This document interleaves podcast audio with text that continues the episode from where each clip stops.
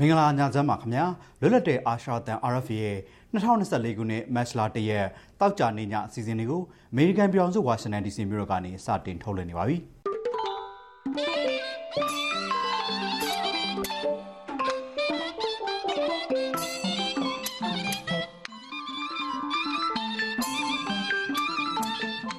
ကျွန်တော်ကရဲကောင်မြန်မာပါဒီကနေ့ညအစီအစဉ်မှာနောက်ဆုံးရသတင်းတွေနဲ့အတူ ကြောက်ဖြူမြို့နယ်ကြောက်တလုံးဒုက္ခသည်စခန်းကမွတ်စလင်တရားကျော်ကိုစစ်တပ်ကနေစစ်မှုထမ်းမှုဖမ်းဆီးထားတဲ့အကြောင်းသတင်းဆောင်ပါနဲ့အခြားစိတ်ဝင်စားစရာအစီအစဉ်တွေကိုထုတ်လွှင့်မှုရှိပါတယ်။အခုရုံဆုံးသတင်းတွေကိုတင်ပြပါမယ်။ AR တိုင်းပသိမ်မြို့နယ် ချောင်းသာမြို့နယ်ကွဲကရခိုင်ရိုးမနဲ့နီးကပ်တဲ့ကြောက်ပုံနဲ့ချောင်းခွကျေးရွာနှစ်ရွာမှာ PDF တွေကိုထောက်ပံ့နေဆိုတဲ့ဆွဆွဲချက်နဲ့ဇန်နဝါရီလပထမပတ်ကနေဖေဖော်ဝါရီလပထမပတ်အတွင်းလူ40လောက်ကိုဖမ်းဆီးစစ်ဆေးခံနေရတယ်လို့ဒေသခံတွေက RFA ကိုဒီကနေ့ပြောပါတယ်စစ်ကောင်စီတပ်ကနေဒေသခံတွေကိုဖမ်းဆီးတဲ့အချိန်မှာကြောက်ပုံရွာကနေအိမ်အလုံး30နဲ့ချောင်းခွရွာကနေအိမ်ဆက်တလုံးကိုလည်းဖျက်ဆီးသွားခဲ့တယ်လို့လုံခြုံရေးရအမြင်ဖော်လို့တဲ့ဒေသခံတို့က RFA ကိုပြောပါတယ်ဒေသခံတွေကိုပသိမ်မြို့မှာရှိတဲ့အနောက်တောင်တိုင်းစစ်ဌာနချုပ်မှာစစ်ဆေးနေတာရှိသလိုပသိမ်အကျဉ်းထောင်ကိုပါပို့ဆောင်ထားတာလည်းရှိတယ်လို့ဆိုပါတယ်။အဲ့ဒီထဲက10ဦးလောက်ပဲပြန်လွတ်လာပြီမဲ့အဖမ်းခံထားတဲ့ကျန်တဲ့သူတွေကတော့ဒီကနေ့ထိပြန်လွတ်လာတာမရှိသေးဘူးလို့ပြောကြပါတယ်။အလားတူကြောက်ပုံနဲ့ချောင်းခွရွာကဒေသခံအလုံးကိုအခြားနေရာတွေကိုပြောင်းရွှေ့ဖို့လဲစစ်ကောင်စီတပ်ဖွဲ့ဝင်တွေကပြောဆိုထားတဲ့ကြောင်းလက်ရှိချိန်မှာရွာညွာကနေအိမ်80ကျော်ပြောင်းရွှေ့ပေးထားရတယ်လို့ဒေသခံတွေကပြောပါတယ်။ စစ်ကောင်စီဘက်ကပြည်သူ့စစ်မှုထမ်းဥပဒေကိုပြီးခဲ့တဲ့ဖေဖော်ဝါရီလ10ရက်နေ့ကအသက်သွင်းလိုက်ပြီးနောက်ပိုင်း People's Embrace ပြည်သူ့ရင်ခွင်အဖွဲ့အစည်းကိုဆက်သွယ်စုံစမ်းလာကြတဲ့လူငယ်13000လောက်ထိရှိခဲ့တယ်လို့ပြည်သူ့ရင်ခွင်အဖွဲ့တာဝန်ရှိသူက RFA ကိုဒီကနေ့ပြောပါတယ်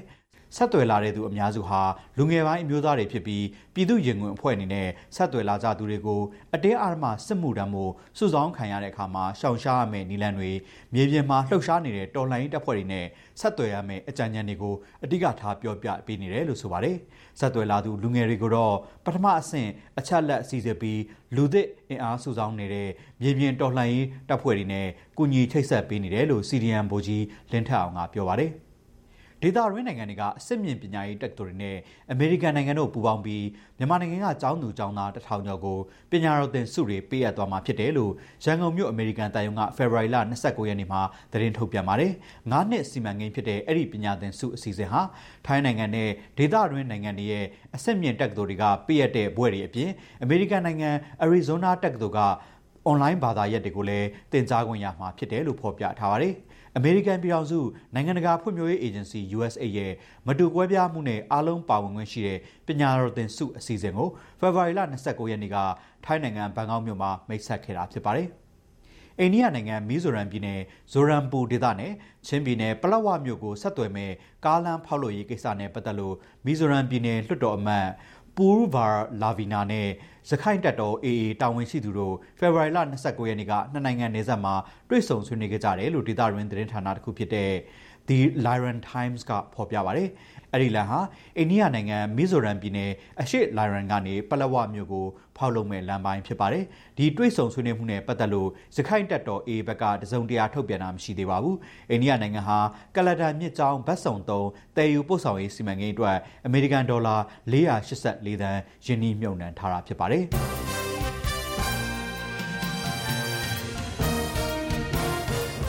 သတင်းတွေကိုတင်ပြခဲ့တာပါ RFA ကအစီအစဉ်တွေကိုဆက်လက်ထုတ်လွှင့်နေပါတယ်ခင်ဗျာခုဆက်လက်ပြီးသတင်းဆောင်မတွေကိုထုတ်လွှင့်ပါမယ်ကြောက်ဖြူမြို့နယ်ကြောက်တလုံးဒုက္ခသည်စခန်းကအသက်18နှစ်ကနေ35နှစ်အကြားအရွယ်မွတ်စလင်တရားကျော်ကိုစစ်တင်နန်းတက်ဖို့ဆိုပြီးစစ်ကောင်စီတပ်ကဖေဖော်ဝါရီလ29ရက်မနေ့ကဖမ်းဆီးခေါ်ဆောင်သွားတယ်လို့ဒေသခံတွေကပြောကြပါတယ်ဒီအကြောင်းသတင်းအပြည့်စုံကိုမတ်တဇင်လှိုင်ကတင်ပြထားပါတယ်ခင်ဗျာရခိုင်ပြည်နယ်ကြောက်ဖြူမြို့နယ်ကြောက်တလုံးမွတ်စလင်ဒုက္ခသည်စခန်းမှာနေထိုင်တဲ့ အသက်18နှစ်ကနေ35နှစ်ကြားအရွယ်မွတ်စလင်109ဦးကိုကြောက်ဖြူမြို့အခြေစိုက်ခလာရ942က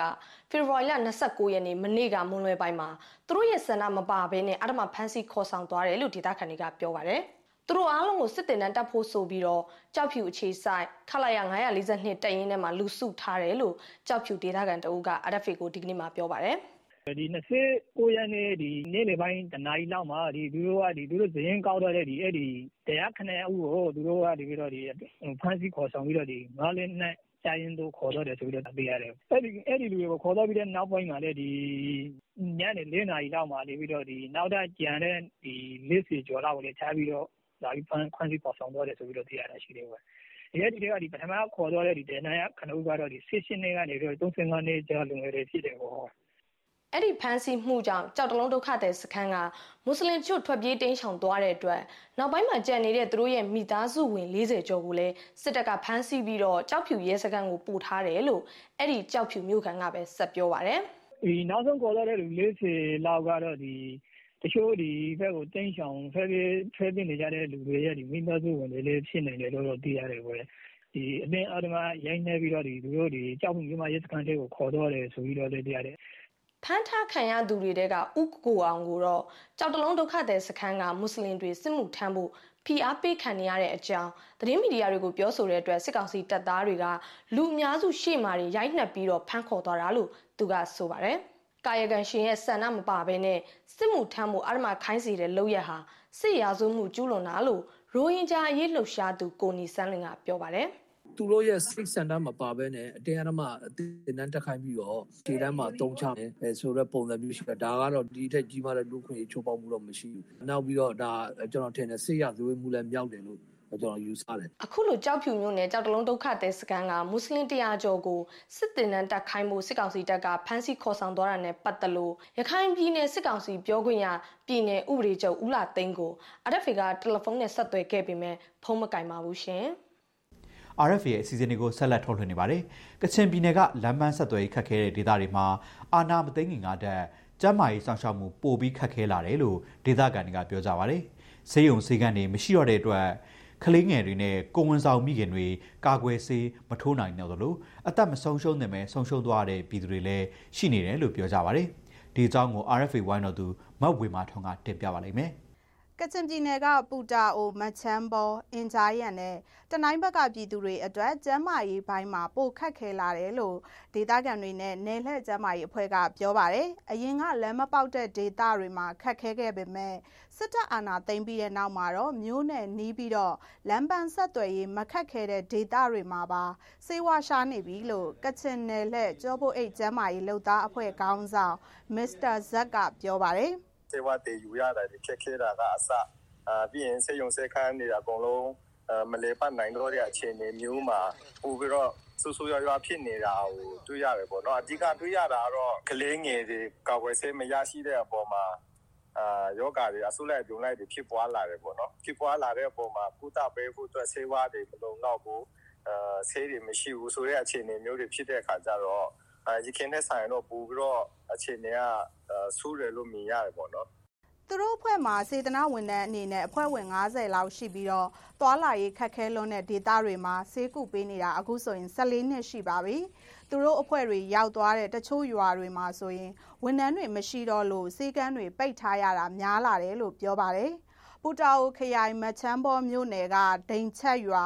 တနိုင်းမြို့နယ်ကတယုံတခတ်လက်ကြားပွံတို့ဟာကချင်လွတ်မြောက်ရေးတပ်မတော် KIA နဲ့စစ်ကောင်စီတပ်တွေကြားမှာရှိတဲ့ရွာတွေဖြစ်ပါတယ်။အဲ့ဒီဒေသတွေမှာမြေမြုံမိုင်းထိတဲ့သူတွေလည်းအချိန်မီဆေးမကုနိုင်လို့အသက်ဆုံးရှုံးခဲ့ရတာတွေရှိခဲ့တယ်လို့ပြောပါတယ်။ ဆေးရုံဆေးကန်းတွေမရှိတော့ကလေးတွေနဲ့ကိုဝင်ဆောင်မိခင်တွေအခက်အခဲရှိနေတယ်လို့မချမ်းမောမြို့နယ်နမ်ဘူရန်ရွာကအမျိုးသမီးတယောက်ကပြောပါတယ်။ကျမတို့နမ်ဘူရန်ကျေးရွာဆိုဆေးခန်းလည်းမရှိဘူး။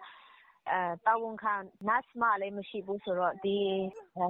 တာဖွာဆရာဆရာမတွေလည်းမရှိဘူးဆိုတော့ဒီလက်တယ်တွေနဲ့ပဲဖွာတာပေါ့နော်ကလေးမွေးတယ်ဆိုရင်လည်းအဲ့လိုမျိုးသားဖွာတွေနဲ့ပဲလက်သေးတွေနဲ့ပဲဖွာတယ်ပြီးတော့ဒီတိန်းပြီးနောက်ပိုင်းဆိုတော့အာ ကလေးတွေလည်း ကာကွယ်ဆေးလေးမထိုးရဘူး ပြီးတော့ ဒီ ဘယ်လိုပြောမလဲ မိခင်တွေလည်း ပုံမှန်တော့နော်အဲ B1 တို့ ကိုဝန်ဆောင်မိခင်တွေတောက်ရမယ့် ဆေးတွေလည်း အဲ့လိုမျိုး မရတာပေါ့ အင်ဂျန်ရမျိုးနဲ့မှလည်း မသေးသင့်မဲနဲ့သေဆုံးရသူတွေ ရှိတယ်လို့ ဒေတာကန်တယောက်က ပြောပါတယ် ဒီအာလာသိသိပြီးနောက်ပိုင်းမှာဆိုဒီကျမရဲ့ဝန်ဆောင်မှုတွေ အခက်အခဲရှိလာပေါ့နော် ဆေးရုံရောရှိတယ်မဒါမဲ့ဟိုဆေးမရှိဘူး ပြီးဆေးဝါး ကျမရဲ့လုပ်သားမရှိဘူးပေါ့ကွာ ဆရာ ဆရာမတွေ မရှိဘူးပေါ့ ဆေးရုံ ဆေးဟိုဆေးခန်းသွားဖို့ဆိုရင် အဲ့ဒီအနည်းတစ်ဝိုက်မှာ မရှိဘူးလေ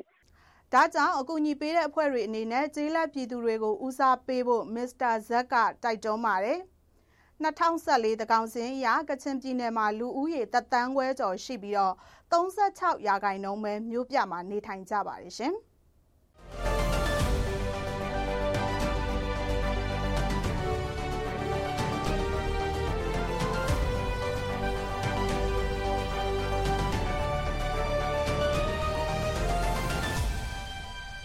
RFA ရဲ့စီစဉ်တွေကိုဆက်လက်ထုတ်လွှင့်နေပါတယ်။အမေရိကန်အစိုးရကဖမ်းဆီးထားတဲ့ဂျပန်တယောက်ဟာ မြန်မာနိုင်ငံကလက်နက်ကိုင်တိုင်းရင်းသားအဖွဲ့တစ်ဖွဲ့စီက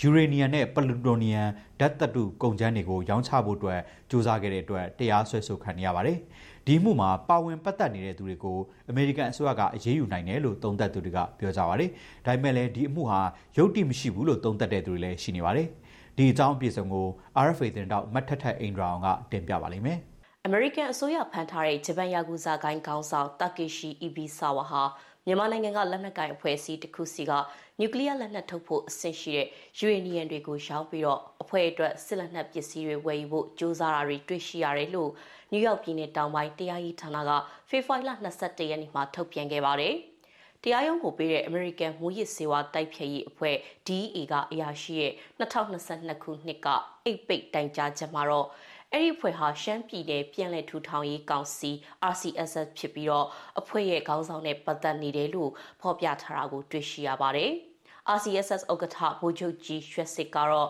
ဒီဆွဆွဲချက်ဟာတစ်ဖက်သက်ဆွဆွဲချက်ပဲဖြစ်တယ်လို့သူတို့အဖွဲ့ရဲ့သတင်းဌာနဖြစ်တဲ့ Time Freedom ကနေတဆင့်ညှင်းဆိုထားပါတယ်။ဘယ်လ်ဂျီယံနိုင်ငံအခြေစိုက်နိုင်ငံတကာပြည်ပခလေလာဆောင်ကြည့်ရေးအဖွဲ့ ICG ရဲ့အကြံပေးတွန်ကီယန်ကတော့ ဒီအဖို့မှာတက်တည်ခိုင်လုံနေဆိုရင်အမေရိကန်အစိုးရအနေနဲ့အရေးယူနိုင်တယ်လို့သုံးသပ်ပါတယ် And if there's substantial တက်တည်ထောက်ထားရှိရင်အမေရိကန်အစိုးရကပါဝင်ပတ်သက်တဲ့ဘယ်အဖွဲ့အစည်းတွေကိုမဆို